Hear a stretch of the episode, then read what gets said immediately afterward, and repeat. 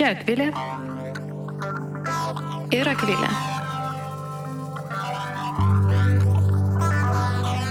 Savaime nesuprantama.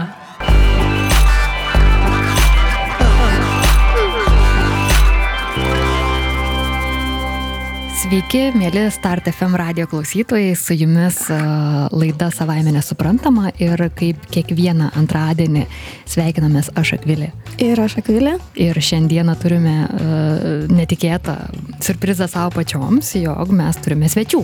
Pagaliau. Valio. Valio. Tai mūsų svečiai yra svetė ir svetys Antanas ir Lina. Sveiki. Sveiki. Ir kodėl mes juos pasikvietėme? Tai pirmiausia, kaip žinia, mūsų laida yra apie litiškumą.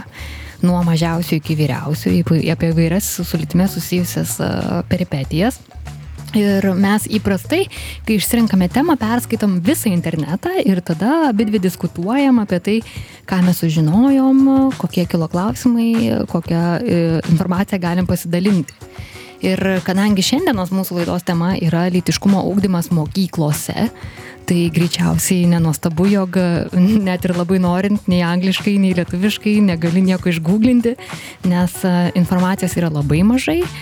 Lytiškumo. Ir aš dar gal mhm. pridėčiau, kad e, kai aš rašiau savo magistrinį, aš rašiau būtent šitą temą prieš porą metų, tai aš specialiai dar paguglinau e, vakar ir pasirodo, kad tos informacijos taip ir nepadaugėjo. Nuo to laiko realiai vis tiek išmeta tuos pačius pasenusius šaltinius. Taip. Tai mes turim gyvus šaltinius. Taip, turime, turime du gyvus šaltinius. Ir, ir dalykas tas, kad litiškumas ir litiškumo augdymas jis vis tiek vyksta. Tai galbūt Antanai Lina galite prisistatyti uh, patys, kas jūs esate ir kodėl mes jūs nusprendėme pasikviesti. Galim, galim prisistatyti. Tai aš esu Lina, e, dirbu įvairovės ir edukacijos namuose. Ir ką aš darau, tai vedu litiškumo ūkdymo užsiemimus mokyklose nuo pirmos iki dvyliktos klasės, taip maždaug tokiam mokiniams tokiems. Ir dar kartu vedu ir mokytojams, specialistams, tėvams užsiemimus, kaip kalbėti su, apie litiškumą su paaugliais dažniausiai, kartais ir su, kaip kalbėti su vaikais tai jaučiu dėl to aš ir esu čia, nes tokiam norisi pasidalinti ir praktiniais pastebėjimais ir tą, ką pastebėjom per, per važinėjimus visus į, į mokyklas skirtingas ir bendraudami su mokiniais. Tai norisi pasidalinti su mhm. jumis. Mhm. O tavo, tavo, ką tu studijavai, kodėl, kodėl, kodėl tu studijavai tą, ką tu studijavai? Aš studijavau, iš tikrųjų esu baigusi psichologijos studijas e, ir esu baigusi vaikų ir paauglių psichologijos studijas, tai dėl to, man atrodo, mano šitas tiek litiškumas, tiek psichologija yra labai tampriai susiję ir e, dėl to kažkaip tai man tas nėra atsisiejami dalykai ir tas man padeda. Mano studijos, man atrodo, padeda mano litiškumo ūkdymo karjeroje ir mano litiškumo ūkdymo karjera padėjo turbūt ir šiek tiek, mhm. nu, va, tam psichologijos. E, arenoje. Arenoje, taip. Arenoje. Ir aš dar pri, pri, pri, pridursiu pati, Lina yra jaunimo darbuotoja, jinai yra praleidusi turbūt tūkstančius valandų su įvairaus amžiaus jaunimu ir tiesiog myli jaunimą ir kartu supranta jaunimo realijas. Taip? Tikrai taip. Tikrai taip. Na, Antanai, tavo eilė. Aš esu Antanas, esu socialinių mokslų mokytas Devalstybinėje mokykloje Vilnius Valdorfo mokykla, mokau istorijos, pilietiškumo, ekonomikos ir taip pat esu ugdymo koordinatorius toje mokykloje. Ir prieš keletą metų supratau, kad e, yra dar viena tokia sritis, kurią, e, kurios norėčiau mokytis ir kuri yra kažkaip nepelytai pamiršta, bet kaip ir privaloma, tai litiškumo ugdymas. Tai studijuodamas magistro studijas, esu istorijos bakalauras ir edukologijos magistras. Kažkaip pasinėriau ir litiškumo ugdymą, susibičiuliavau su Akvilėmis, Lina ir esu dabar e, kolega įvairovės ir edukacijos namuose. Taip, turbūt reikėtų čia paminėti e, visus atskleidžiant e, mūsų saitus. Taip, mes esame visi pažįstami ir mes e, Lina ir Antaną neveltui pasikvietėme, nes mes įvairiais kitais kanalais su jais, su jais bendraujame, bet tai yra puiku, nes, nes jie mums supasako daug virtuvės, tos tikrosios virtuvės, kaip atrodo litiškumas. Tai gal, Akvilė, nori dar ką pridurti ir kimbame į pačią temą? Kad aš jau nežinau, ką čia ir be pridursi, reikia pradėti kalbėti apie tą litiškumą. Pagaliau. Tema labai plati, laiko nedaug, reikia labai daug viską išsiaiškinti. Tiesa, dar gal galėčiau papildyti tai, kad mūsų šitos laidos kaip ir tikslas buvo tai pateikti iš tikrųjų tą mm, realybę, kuri yra mokyklose ir netgi pasiūlyti tokių praktinių šiek tiek patarimų mokytojams, kurie, na, kasdien susiduria su šita tema ir apskritai mokiniais. Mhm. Ir kaip įvairovės ir edukacijos namų tikslas toks šaukinys būna prisijaukinti litiškumo temas. Pamatyti, kad jos yra paprastos ir Jaukios. Jaukios, o kai būna nepaprastos, labai lengvai supaprastėja. Tai pradedam. Pradedam. Tai turbūt pats pirmas klausimas iš karto ir išplaukia iš to, ką mes dabar pasikalbėjome. Na tai vis tik tai litiškumo augdymas, jisai sklando nuolat ore tos temos, ar ne? Ir, ir kalba apie tai, kad čia reikia ugdyti, reikia ugdyti. Tai kokia yra ta realybė mokykloje ir iš esmės, ar, ar reikia ugdyti, ar, o gal mokiniai viską žino ir čia yra visiškai perteklinė tema ir be reikalo mes čia visi sėdam. Taip, man atrodo, kad čia nais ir yra tas toksai kertinis dalykas, kada mes kalbam, kad e, reikia augdyti, reikia augdyti.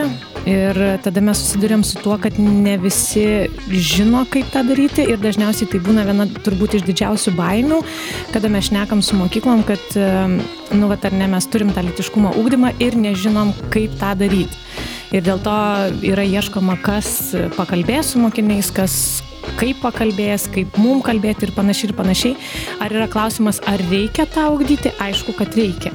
Ir aš jaučiu, kad šiandien nėra tik tai klausimas apie mokinius, bet tai yra ir klausimas patiems mokytojams, kaip šnekėti su vaikais ir paaugliais. Tai čia aš jaučiu dar ir turbūt e, stipresnis yra, yra žinutė, kad reikia ir mokytojams tų, na, va, žin- žinių kažkaip tai kaip apie tai kalbėti, dėl to, kad em, Dėl to, kad mokiniai gali būti, kad išgirs, ar ne, ten užsikraus kitais namų darbais ir taip toliau, ir taip toliau, o mokytojai bus tie, kurie gali nešti tą žinią toliau ir uh, skleisti ją. Tai aš jaučiu, kad toks iš visų pusių tas reikalingumas Kad, atsiranda. kaip suprantu, mokytojai užtikrina tą tokį nuoseklumą, nes vieną kartą atvažiavus, žinoma, stebuklų kažkokių neįveiks, nes čia jau, manau, Lina ir Antanas daug kartų tą paminės, jog litiškumo ūkdymas nėra vieno karto pokalbis.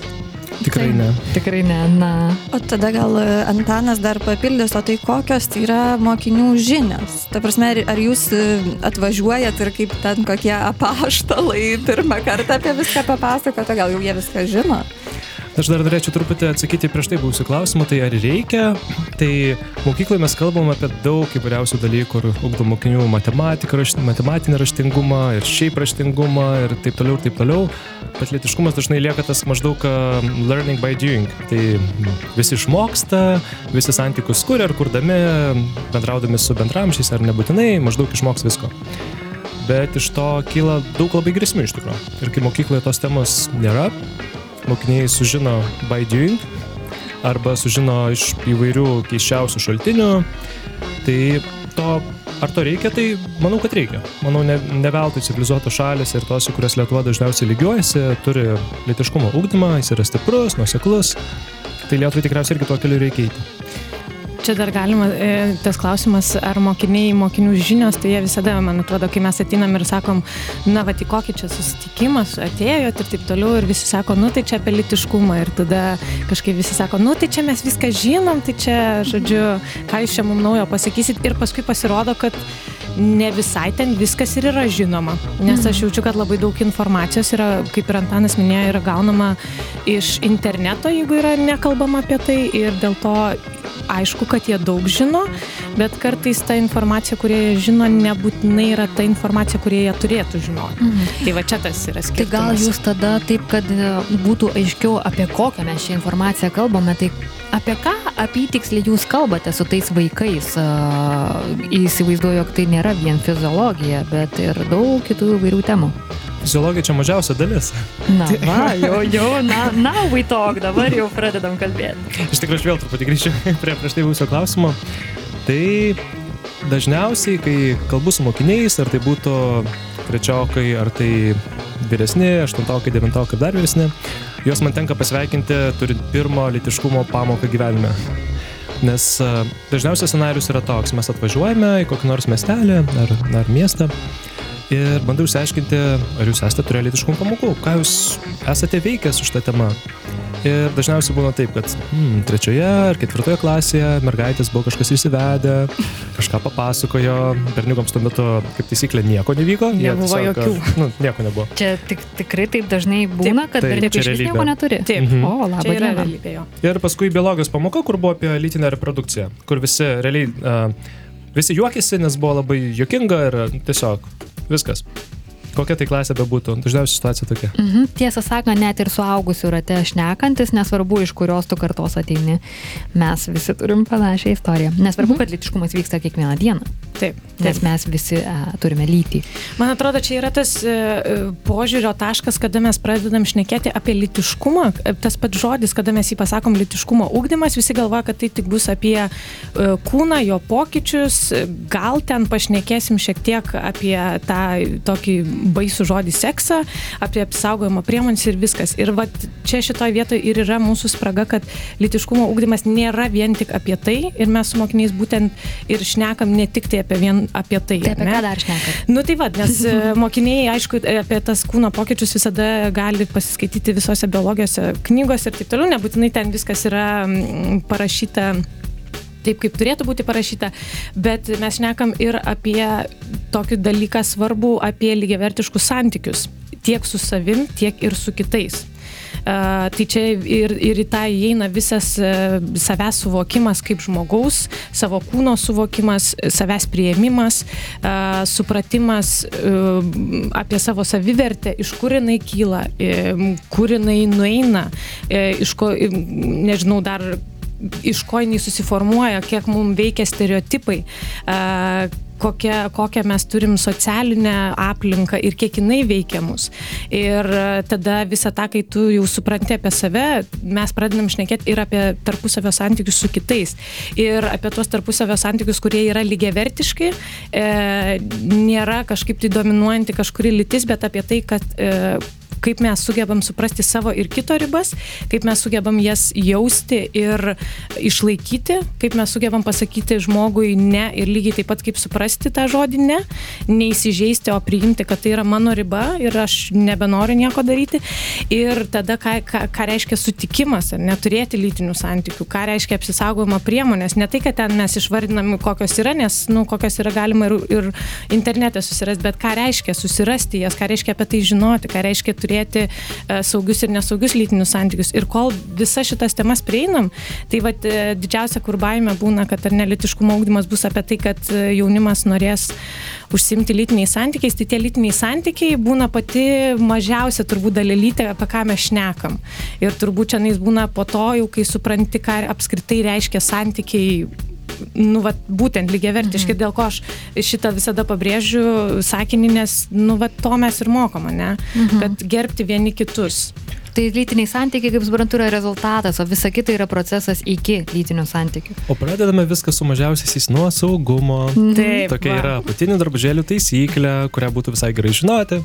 E, tai yra realiai seksualinio smurto ir priekabiavimo prevencija, tai kad yra tokių kūno dalių, kur niekam ne, nevalia demonstruoti ir kitas negali jos liesti. Tad tai su mažiausiais prasideda taip ir jie, jie daug dalinasi, daug pasakoja, o man buvo taip, o man buvo naip ir pripasako šiaip visai baisių istorijų, mhm. kas yra visai liūdna. Na ir paskui tos temos, aišku, sudėtingėja, kompleksiškėja ir prieinam iki, iki šeimų modelių ir kaip tai suprasti ir kaip priimti Tai, mhm. na, Lina čia gražiai papasakojo. Tikrai, tikrai, tikrai gražiai, bet e, gal aš taip dar norėčiau, įsivaizduodama, kad klausytojams kai kuriems gali kilti, na, tokia natūrali baime, jog nejaugi jūs su visais vaikais taip ir kalbate vienodą, na, e, turint omeny nuo pirmokų iki dvyliktokų, tai turbūt reikia pabrėžti, kad yra pasirenkama, kaip apie temą šnekėti, kokias temas, kada pradėti ir iš viso atsižvelgti į grupę, su kuria susidūrė ir jų, jos konkrečius poreikius. Žinoma, mes visą visada atsižvelgiam ir į tuos pačius sveikatos ir litiškumo įrengimo šeimai rekomendacijas ir, ir pasaulinės sveikatos organizacijos rekomendacijas ir UNESCO rekomendacijas. Į tą mes viską atsižvelgiam ir aišku visada žiūrim pagal, pagal pačią grupę, nes grupės yra labai skirtingos, jų susipažinimas su litiškumo temomis visuomet yra skirtingas ir dėl to visada yra svarbu nu, kažkaip turėti pasiruoštą programą ir visada suprasti, kad jinai gali visada keistis, nes niekada nežinai, kada kokia grupė atsiras, kokia jų žinios yra ir, ir kur toliau nuneš mūsų, mūsų mokymai. Tai gerai, kas jums labiausiai patinka ir kas labiausiai kelia nervą, kai, kai dirbate šį, šį darbą? Tyla, tyla iš karto. Na. Aš tai galvoju, kuris pirmas pradės. Aha. Man tai labiausiai patinka turbūt grįžtamasis ryšys iš mokinių ir supratimas, kad jiems šita pamoka buvo kažkas tokio. Mhm. Ir kai reflektuoja ir sako, dabar man nebebus taip baisu kalbėti šitom temom, arba dabar aš tikrai vat, kažką supratau, arba sako, man dabar reikia labai gerai pagalvoti ir suvirškinti, kas čia įvyko. Mhm. Na tai pajuti, kad tai, tai nebuvo eilinė pamoka, eilinė na, matematika ir istorija ar, ar bet kas, bet tai tikrai buvo kaž, kažkas tokio. Ir jos tikrai galėjai paliesti jų na, nuostatas kažkokias ir, ir supratimą pasaulio. Tas mane labai veža. Mane turbūt veža pats, pati grupės dinamika, kaip jinai keičiasi, kai ateini ir pasakai, kad e, dabar mes kalbėsim apie litiškumą ir kaip visi ten užsiblokuoja ir ten, žodžiu, pasidaro tokie kokonai. Mhm. Ir tada po truputį, po truputį, kada tu pradedi išnekėti tom temam, tu matai, kad aha, biški čia vienas išlaisvėjo, kitas išlaisvėjo, trečias išlaisvėjo.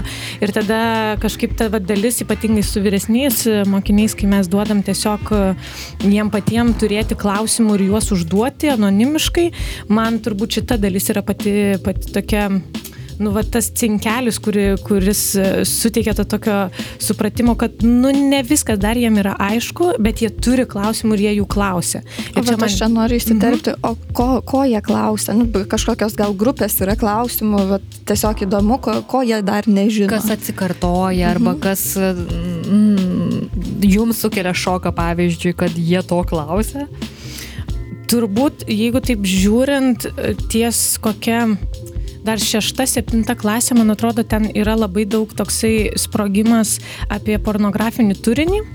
E, tai labai dažnai būna klausimų apie įvairius lytinius organus, apie Įvairius. Įvairius. Nes jų yra tiek daug. Taip, tai įvairius lytinius organus, ten dydžius, e, normalumą. Mhm. Nu, žodžiu, šiaip labai daug dar apie kūną ir apie tokį santyki su draugais. Ne, ten santyki, pirmi galbūt ten kažkokie simpatijos požymiai ir panašiai. Nu, tai čia kaip žinoti, kad ten aš patinku, ar ten kaip čia, kaip čia man susirasti merginą ar vaikiną. Čia tai klausimai ir, ir 20 mečiams, bei 30 mečiams rūpi. Ir vėliau. ir vėliau visą gyvenimą jie rūpi. Visą gyvenimą, bet va, prasideda ties, ties šitom klasėm. Mhm. E, jeigu taip žiūrint jau nuo 8 maždaug e, klasės ir link jau, link jau vyresnių atsiranda klausimai apie lytinius santykius, ypatingai vyresnių turbūt klasių mokiniai pas juos dažniausiai yra klausimas ne ar, nu, ten, tarkim, nežinau, ar reikėtų turėti, ar ne, nereikėtų turėti, bet ar yra normalu turėti lytinių santykių paauglystėje. Tai čia labiausiai apie tai, kad, nu, vat, apie normalumą, ar ne? Yra labai daug klausimų apie, apie seksualinę orientaciją, apie savęs, savo tapatybę. Tai jaučiu, kad vat, vyresniose klasėse šitie klausimai yra labai labai svarbus. Pradedant nuo, nuo tapatybės, seksualinės orientacijos, baigiant tom pačiom apsaugojimo priemonėm, neštų privatumas e, ir panašiai. Tai va tokie klausimai, nu, kurie... Tai tai, ką jie girdi visuomenėje, apie ką diskutuojama, jie girdi šeimose ir su kuo jie susiduria savo gyvenime. Jiem rūpi žinoti, ar aš esu normalus šitoj vietoj. Mhm. Tai iš to klausimai pareina visokie. Aišku, jie to tas klausimas būna nuosmenintas, bet jis realiai nori paklausti, ar aš esu normalus. Gerai, o tai kai, nu, aš kaip suprantu, jūs gaunate lapuką, atsiverčiat jį, perskaitot ir nebūna jums, kad širdis į kulnus nusirita ir kad, a, ką atsakyti, nes aš, aš įsivaizduoju, kad mokytojams, kuriems, na, reikia integruoti, reikia, o jie gyvenime negirdėjo nei kas yra litiškumas, nei kaip tai daryti, turi pilną visokių tabų, gėdos jausmų, net ir labai norint, ir labai progresyviai mąstant yra nejauku. Ir baisus tas visas kikenimas, kuris ten gali būti arba užsidarimas mokinių, arba pašaipos, nes net, na, tikiu ir jūs patys esate pasakoję, kad kai kurios grupės būna labai mm, sudėtingos, jos nebūna draugiškai nusiteikusios. Tai, tai kas tuomet vyksta, kai jūs nelabai patys jaukiai jaučiatės arba net nelabai jaučiatės, kad pavyksta suvaldyti vykstantį visą procesą? Aš jaučiu visada pasilieku savo tokią teisę pagalvoti porą sekundžių. Ir čia toks labai paprastas metodas yra paklausti, o ką jie galvoja. o čia yra šitas labai paprastas dalykas dėl to, kad e, labai dažnai ir tuos, kai mes turim lapelius, susitarėm, kad pavyzdžiui, pirmą mes galim atsakinėti visi kartu ir jau tada, nu, vat, mes kažkaip tai papildom. Tai tas duoda galimybę pagalvoti, ką nori atsakyti, pasižiūrėti, ar tu savo galvoj turi tą atsakymą. Kitas dalykas, ką aš visada ir mokytojams sakau per, e, per mokymus, kad jūs turite teisę ne viską žinoti ir tas yra normalu. Ne? Labai Taip. nemėgstu šitų žodžių, tai geriau vartosiu tą, kad viskas yra ok. ne, nežinoti visų dalykų, nes neįmanoma žinoti, nes litiškumo temos jos keičiasi kiekvieną dieną ir tu nu, negali suspėti dažniausiai su, sugerti visos informacijos. Ir tas yra ok. Ir ypatingai, jeigu yra mokytojai arba mokytojas, kurios turi kažkokius litiškumo ūkdymo užsiemimus, yra viskas ok pasakyti, kad aš nežinau, pasieškokim kartu atsakymo arba aš atsakysiu jums vėliau. Ne? Tai Tai čia turbūt nu, mokytojams dar yra dėkinga tai, kad jie ten yra kiekvieną dieną ir jie gali sugrįžti pas vaikus su tuo atsakymu, kurį jie ten išsiaiškino vėliau, kas turbūt jums yra toksai daugiau on the spot, dabar reikia kažką sugalvoti. Taip. Iš tikrųjų atsakymai nelabai gazina, kai jautiesi pats ramus su savo nuostatom, kai jeigu jauti, kad nesi homofobas ar rasistas, na, mhm. gauni tą klausimą, ar tikrai įmanoma visus klausimus atsakyti kažkaip etiškai, pagarbiai jeigu nežinai, tai sakyt, na, galime pabandyti išsiaiškinti. Mm -hmm. Ir aš jaučiu, kad šitoje vietoje yra labai svarbu paminėti, kad ne visada būtina kažkaip tai atsakyti tuos klausimus, nes e, esmė yra ne klausimo atsakyme, bet yra esmė diskusijoje. Mhm. Apie tai, kaip tu diskutuoji, kokias nuomonės tu išgirsti iš mokinių, kokią tu nuomonę turi, nes vienu, vienu ar kitu atveju vis tiek mokiniai tavo nuomonę kažkokią tai pasims, galbūt ne visada tą, kurią tu nori, kad jie pasimtų. Nu čia niekas nėra nuo to apsaugotas, bet jaučiu, kad svariausias dalykas, ką jie pasiema, tai yra diskusija nes tai yra galimybė jiem padiskutuoti ir jiem pasakyti savo nuomonę, ko dažniausiai, nu, nu ne visada jie turi, ne, mhm. tą galimybę tiesiog išsakyti savo nuomonę ir būti priimtai tai nuomoniai. Ar jinai bus teisinga ten, sakykime, ar neteisinga, čia jau negalim visada spręsti, kas yra teisinga ar neteisinga, bet tai, kad e, jie turi galimybę tiesiog padiskutuoti, Taip, tai yra labiausiai turėti savo balsą. Taip. Čia labai pantrinčiau ir iš tikrųjų tas e, litiškumo ūkdymas, daug kas e, mano, kad tai yra lytinis švietimas ir kad ateina kažkas ir pasako kažką, vat, maždaug kaip turi būti tai mes kažkaip manom kitaip, kad tai yra temos, kurias e, reikia tverti, kuriamis reikia kalbėti, o tiesos ten, mm, na, kiek žmonių tiek tiesų gali būti. Mhm. Ir nuostata žmonių nebūtinai turi, na, kaip ne, negali netgi ateiti su nuostata, kad va, aš dabar čia pakeisiu, kaip mokiniai masto. Nes iš tikrųjų jie, jie persikrato savį viską, ką išgirdo. Na taip, ir, ir vėl grįžtant prie to, tos minties, jog tai yra nuoseklus procesas ir tas savo, nes mes patys, kaip prieš tris metus turbūt galvom apie šias temas, dabar vėl, na, jinai nuolatos keičiasi, nuolatos žinai naujų dalykų, naujų patirčių.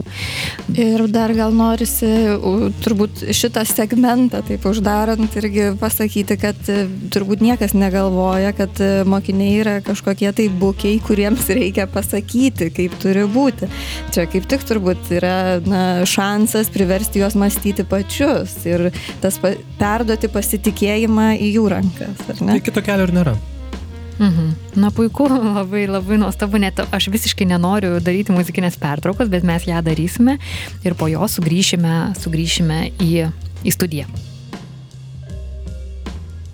Sveiki sugrįžę į Start FM eterį, su jumis laida Savaime nesuprantama, aš sveikinamės aš Akvilė Ir aš Akvilė, vėl. Vėl sveikiname su mumis e, nuostabus svečiai Antanas ir Lina, kurie mums pasakoja apie litiškumo ūkdymo realybę.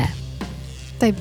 Ir dabar mes turbūt pereisime į tokią antrąją dalį, kuri, apie kurią mūsų svečiai pasakojo, kad taip pat e, kalbasi ir kalbasi su e, ta grupė žmonių, tai yra pedagogais. Ne? Ir e, turbūt e, pirmasis klausimas toks labai elementarus, tai kaip jūs sutinka tie pedagogai ir koks yra šio laikinio pedagogo požiūris į lietiškumo augdymą? Jie patys šio laikiniai pedagogai, jeigu ką. Na, taip, bet jie šiuo atveju toj ki- kitoj barikadų pusėje. Labai skirtingai, nes, na, aišku, mokytų vidurkį, mokytų amžiaus vidurkis Lietuvoje toks visai nemažas, tai tie kartų skirtumai labai ryškus, kur tu bendrausi su 50 mečių mokytų, kur su ką tik karjerą pradėjusiu 20, ten, 20 mečių. Bet irgi nebūtinai visada. Nebūtinai. Ne Mhm.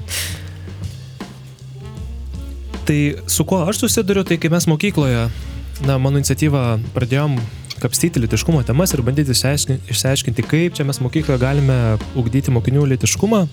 Mūsų kolektyvas margas, įvairių, įvairių kartų, keletų kartų, bet atrodė tai tiesiog misija neįmanoma, nes ant kiekvieno dalyko, kiekviena tema, kai mes pradėjome krapštyti tą bendrąją programą litiškumo ugdymo, atrodė, kad mes taip pat susipyksim ir viskas susproks tiesiog. Uždarysit mokyklą. Tai buvo iš tikrųjų baisu, kai prisimenu, mes žiūrėjom taip komplikuotai, kad litiškumo ūkdymas tai kažkokios turi būti tiesos, kurias va taip pasakys ir taip bus ir mokiniai taip galvos. Mhm. Mhm. Labai, mhm. taip, mm, kaip, kaip man patinka čia su jumis kalbėti. O juk mokytojai turi tiek skirtingų nuomonių ir, na, vienas tokių pažiūrų, kitas kitų ir, na, prieiti kažkokio vieno tiesiog neįmanoma. Bet tada kažkaip a, su laiku supratom, kad taip ir nereikia daryti. Mhm. Taip, kad čia kaip labiausiai nereikia daryti, ar ne? Kad ko stengiamės išvengti. Aš jau čia galiu iš tos pusės, kai mes kalbamės per mokymus, vad būtent kaip kalbėti ten, pavyzdžiui, su vaikais ir paaugliais, um, su mokytais, yra irgi visko, labai dar daug kas priklauso ir mm, turbūt nuo, nuo vietovės. E, Negaliu sakyti, kad tas visiškai neturi jokios įtakos, e, bet irgi tas negaliu sakyti, kad tai vat, mes išvažiuojam kažkaip iš Vilnius ir jau viskas yra tik blogai, o mes vat, gyvenam Vilniuje ir viskas tik tai gerai, nes mes čia esam kažkaip labai atviri ir, ir visa kita. Nu, taip nėra. Aš jaučiu, kad e, tikrai pakankamai daug mokyklų mes apvažiavom ir yra labai skirtingai, nes toj pačioj mokykloje gali būti įvairių mokytojų, vieni kažkaip tai labai atvirai priema tą litiškumo augdymą, kiti sako, nu negalima šnekėti su vaikais ir paaugliais apie litiškumą, nes nežinau, kas norės užsimti lytiniais santykiais, visi iš karto, tai yra labai labai skirtingai. Ir man atrodo, čia yra apie tai irgi, kad galimybė pasižiūrėti savo nuostatas. Nuostatas ir kurioje vietoje aš esu tame. Nes aš jaučiu, kad lygiai taip pat kaip su mokiniais mes negalim per pusantros ten ar per dvi valandas apimti visų temų litiškumo, nu, nes jų yra begalė ir kažkaip dar palikti kažkokį tai įspaudą, kažkam pasilieka, kažkam ne. A, tai lygiai taip pat ir su mokytais, e, nu, per pusantros valandos arba netgi jeigu mokymai tie būna penkias valandas, vis tiek to laiko visada yra mažai. Nu jo visada yra mažai, nes yra ten tiek temų ir tiek įvairių požiūrių, nuostatų, kad jeigu tu norėtum taip realiai diskutuoti ir suprasti, ką kiekvienas galvoja ir į kurią mes šią pusę visi einam, tai čia turbūt reikėtų tiesiog atskiro savaitgalio viskam. Mhm. Besitęsiančio keletą metų savaitgalį. Ir tema natūralu, kad yra būna nejauki, nes e, kaip ir mokiniai, taip ir mokytojai susiduria dažniausiai pirmą kartą. Jeigu jau kviečiasi mus, tai, na, jie jaučia poreikį, bet jie būna, na, tam kelyje, pradžioje kelio. Tai kas, na, man atrodo, čia svarbu tas apskritai supratimas, kas yra litiškumo ugdymas ir kai jisai yra toks kažkokia migla, kažkokia čia lytinis švietimas, kažkas kažkokių tiesų turi pasakyti, tai tada ir atsiranda ta, na, būna natūraliai ta baime. Bet su procesu tai sklaidos ir jaučiu, kad visuomenė, kas dabar vyksta pasaraisiais metais, tai tiesiog yra daug iniciatyvų, kaip a, Akvilių, šią radijo laidą, kažkaip skleisti žinia, kad litiškumo ugdymas yra daug daugiau negu lytinis švietimas ir ten menstruacijų ciklo supratimas. Mhm. Aš dabar galvoju, dabar supratau, kad labai panašiai vyksta ta, turbūt grupės dinamika tiek pas mokinius, tiek ir pas mokytojus, kada pradžioje, kai pasakai apie litiškumą, visi ten pasidaro į kokoną ir aš supratau, kad ir mokytojai lygiai taip pat, ar ne? Pasidaro, užsidaro į kokoną ir čia nais, aha, čia mes šnekėsime apie kažką ir paskui po truputį, po truputį, kada tu irgi jiem taip pat leidi išreikšti savo mintis ir diskutuoti kažkokioj tai saugioj grupėje ir saugioj erdvėje pasikeičia ne tik tai požiūris, bet man atrodo ir jų laikysena, ne, į tą, kad, okei, okay, gal mano nuostata yra tokia, bet aš tada gal priemu ir, nu, vad, kitokią nuomonę ir apie tai dar pagalvosiu. Tai čia aš irgi, man atrodo, galvoju, kad visai neblogas uh, dalykas. Mhm. Mhm. Na, nu, puiku, tai aš taip girdžiu pozityvių tokių natų, nes dažnai kalbant apie litiškumą mes, mes užsidarom į tą, kaip čia negerai, nevyksta progresas, mokiniai negauna to, ko jiems reikia, mes atsiliekam nuo Olandijos, nuo Švedijos, atsiliekam, atsiliekam, atsiliekam, o, bet iš tiesų tai o, kaip ir litiškumo ūkdymas yra nuoseklus procesas, kuris neįvyksta per vieną dieną, taip ir, ir pačio litiškumo ūkdymo ateimas į švietimo sistemą ir net ne švietimo sistemą, į mūsų tokį kasdienį gyvenimą, pokalbius, kad medijose atsispindėtų pagarbus su rytim susijusi visokie vaizdiniai. Tai irgi yra procesas, kurio mums reikia išlaukti ir jame dalyvauti ir bandyti pastebėti pokytį, o ne vien užsiciklinti ant to, kad čia mes kažko labiau norėtumėm ar kitaip norėtume. Čia labai galima suprasti mokyklas, nes įsivaizduokit, jums pasako, kad reikia mokyti visai naują dalyką, apie kurį gal nelabai suprantam, kuris yra kažkoks tabu visuomenėje ir pradėkite rytoj. Mhm. Taip atsitiko 2017-aisiais? 16. 16-aisiais. Taip, ir tai... gauni programą ten kažkiek tai tų puslapių tai ir čia yra viskas, iš esmės, ką yra direktorius, kuris pasako, kad gerai, arba integruosim direktorė. į, arba direktorė, integruosim a, į šitą, šitą, šitą, pasako mokytum, kiek pamokų turi tai padaryti ir tu esi vienas. Mhm. Taip, taip, taip. Čia mano mamos įspūdinga yra istorija. Mano mama yra pradinių klasių mokytoja ir, ir jų mokykloje vyko litiškumo ūkdymo savaitė pradinukams ar savaitė ar kelias dienos, bet nesmė, esmė pavyzdys, jog buvo sugalvota, kad reikia kalbėti apie sveiką mytybą puikiai išsisuko iš padėties, bet lytiškumo ūkdymas nei kiek nei apie apatinių drabužėlių taisyklę, nei apie trijų žingsnių taisyklę, nei apie tinkamus lyčių organų pavadinimus, kurie, na, įgalina mokinius būti ir saugius, ir kartu negėdi, nebesigėdyti šios temos nebuvo pakalbėta. Tai realiai vengiant lytiškumo ūkdymo yra netenkama daug, netenkama iš viso galimybės sukurti unikalų santykį su mokiniais ar su savo vaikais, jeigu, jeigu su jais mes tą vykdom, ar ne? Man atrodo, dar vienas yra m, didelis iššūkis, ką aš girdžiu iš mokytojų, apie tai, kad m, iš vienos pusės ar ne tos informacijos yra mažai, e, kuo remtis, kaip šnekėti, kokius žodžius galų gale vartoti ir panašiai, nes nu, žodynas mūsų litiškumo augdymo yra labai skurdokas, jeigu tai pasižiūrėjus lietuviškas.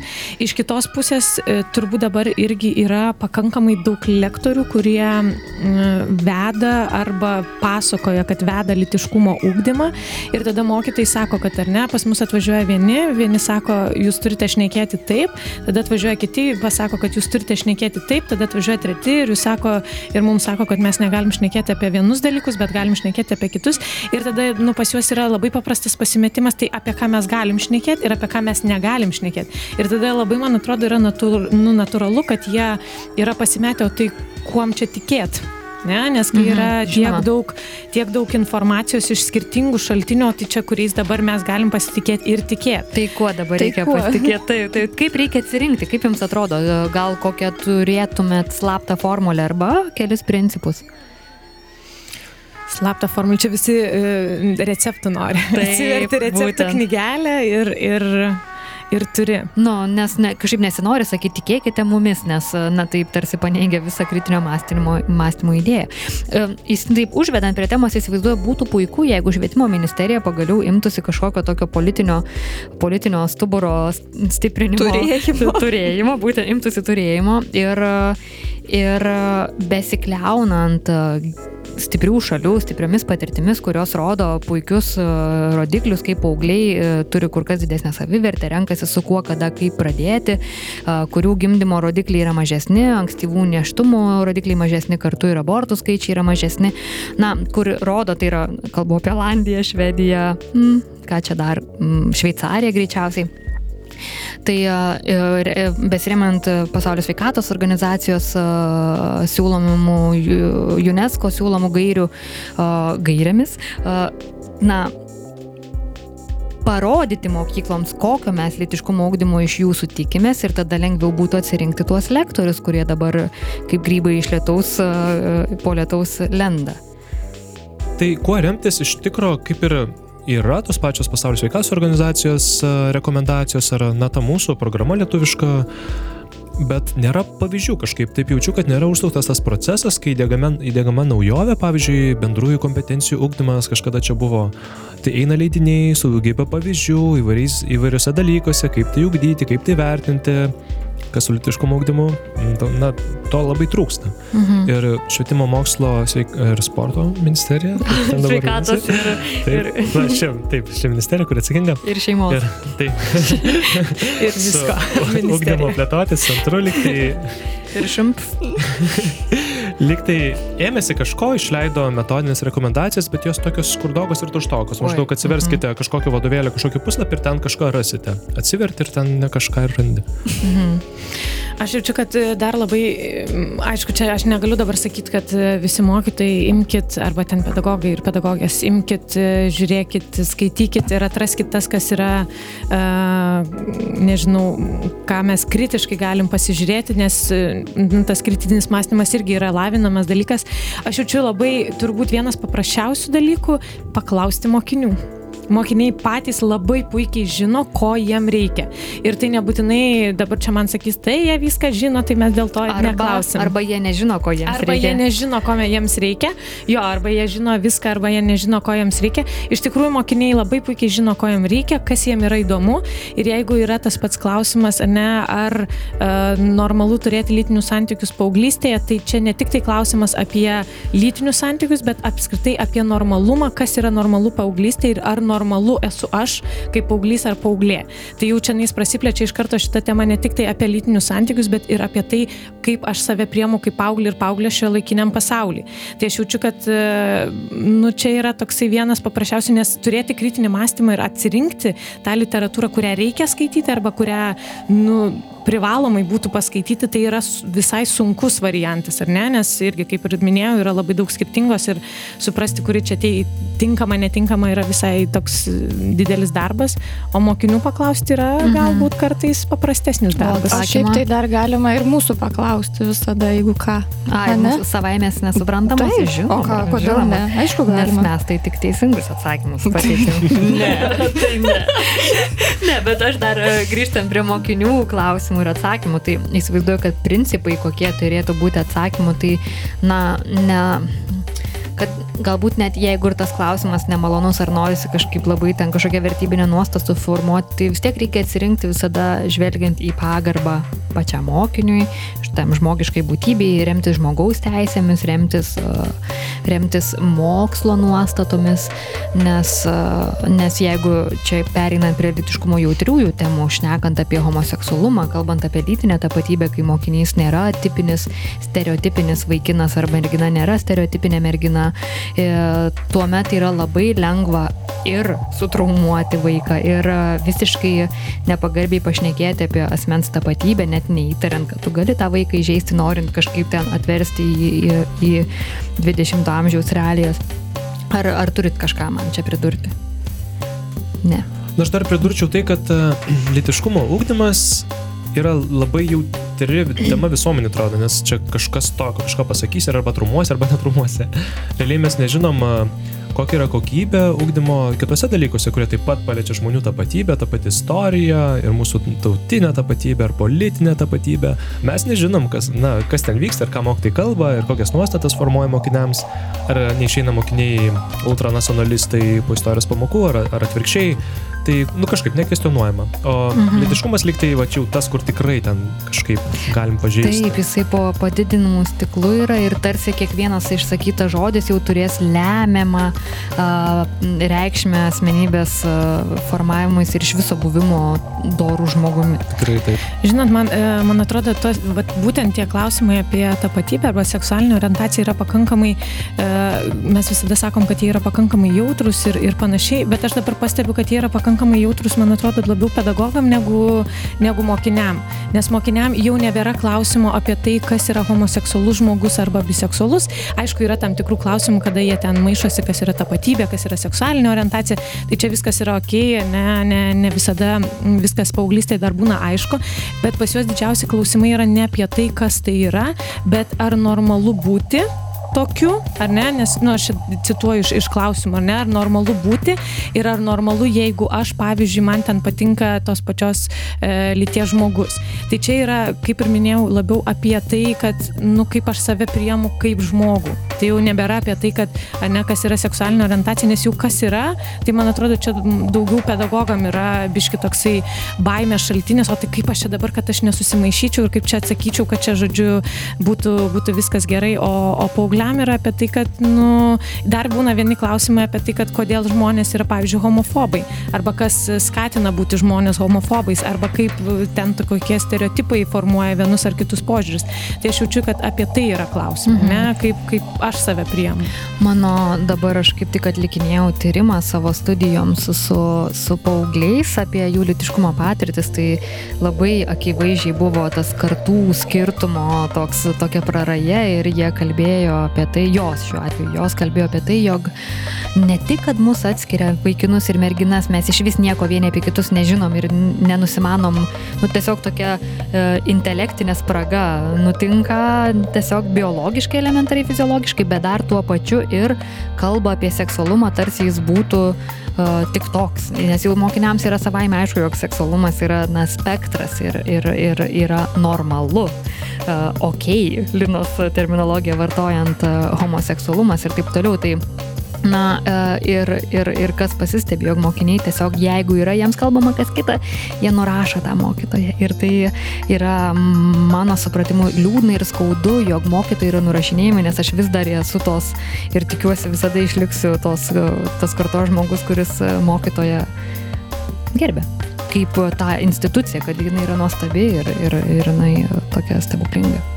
Tai iš tikrųjų čia pratęs atminti, Vilės e, litiškumo ugdymas tai ne tik tos pamokos, kurias vyksta kažkino atvykus ar pačių mokytojų, tai yra tiesiog bendra, e, bendra atmosfera, bendra kultūra mokyklos, nes jeigu mokyklas žiūrim kaip į tą sumažintą valstybę, respubliką, kur mes ugdom ne tik pamokose, bet ir šiaip bendra, kaip primami sprendimai ir taip toliau, tai su litiškumo ugdymu tas pats. Pavyzdžiui, ar mokiniai, kaip reaguojama į homofobinės patyčias, ar mokiniai drįsta, ar turi galimybę drįsti mokykloje prispažinti, na, atsiskleisti, jeigu jie nėra heteroseksualūs. Savo mokykloje labai džiaugiuosi, jeigu matau žmonės, kad ir tos pačios lyties susikibusius rankom jeigu jie drįsta. Nes realiai kiekvienoje mokykloje ir greičiausiai kiekvienoje klasėje mes turim ne heteroseksualių vaikų. Tai mhm. kokias galimybės turi išgyventi toje mokykloje? Ar jie turi išgyventi, slėpti, maždaug aš esu toks, bet mokykloje, na, aš, na tai, tai slėpiu. Ar jis gali būti savimi mokykloje? Mm. Ačiū labai trumpą tik tai e, vieną tokį pridėjimą, kad e, aš dažniausiai mokytėms sakau, kad taip, jūs augote visaip, jūs turėjot visokių patirčių ir jūs atėjot į pasaulį, ne, ir į mokyklą su visokiom patirtim ir jūs turit savo nuostatas ir mes jų nepakeisim per pusantros valandos. Ką jūs privalote daryti, tai priimti mokinį ir palaikyti. Viskas. Jūsų požiūrė, jūsų, nežinau, misija yra tokia. Nes galbūt jūs būsite vienintelis arba vienintelė toj mokykloje, kurie padės tam mokiniui arba mokiniai išgyventi. Ne, ir mes jūs kalbam ne tik tai apie pabaigti mokyklą, bet išgyventi. Tai ir tiesioginė to žodžio tiesioginė prasme. Tiesioginė to žodžio prasme, taip, išgyventi, nes istorijų yra visokių ir aš jaučiu, ką, ką mokytojai gali daryti, tai šiek tiek savo tas visas nuostatas taip įkvėpti, supykti ant savęs ar ne, supykti ant mokinių tebūnie, bet e, ištransliuoti palaikymą ir, ir prieimimą. Mhm. Bravo. Bravo, taip. Ir va, ir kaip tu nejausi vilties, kai tokie pokalbiai jau vyksta ir jie plinta po mūsų mokyklas ir pasiekia mokytojus ir mokinius, bei tėvus ir mamas. Taip. Na, Akvilė. Tai man atrodo, kad mums reikia padaryti dar vieną pertraukėlę prieš e, dar uždedant paskutinę višnaitę ant torto ir tada jau. Gerai, gerai, paklausykime dar vieno gabalo ir tuoj grįšime į studiją. Sveiki sugrįžę į Start FM eterį, su jumis savaime nesuprantama ir grįžome po muzikinės pertraukos pasikalbėti su Lina ir Antanu apie tai, ką jie gali patarti. Po paskutinį tokį savo auksinį, kokį nors vieną iš auksinės, jie visi auksiniai patarimų. Nebijoti būti netobulu. Valio! Aš duosiu du. Vieną mokytojam, pedagogam ir visiems, kurie moko ir ūkdo vaikus. Tai kaip ir sakiau, priimti ir palaikyti. Tai nepamirškit šito. O visiems mokiniam, kurie klauso šitos radijos, hei, jūs ne vieni, mes su jumis ir viskas bus gerai. Nu, nuostabu. Aš tiesiog kažkaip jaučiuosi įsikvėpusi, dabar, dabar lauksiu dar kitos laidos. Tikrai nebejoju, mes su Lina ir Antanu dar kalbėsimės. Žinoma. Žinoma ir ačiū visiems už, vis, ir visoms už tai, kad klausėte. Ačiū. Ačiū. Ačiū Jums. Taip, ir iki kitų kartų. Visą geriausią.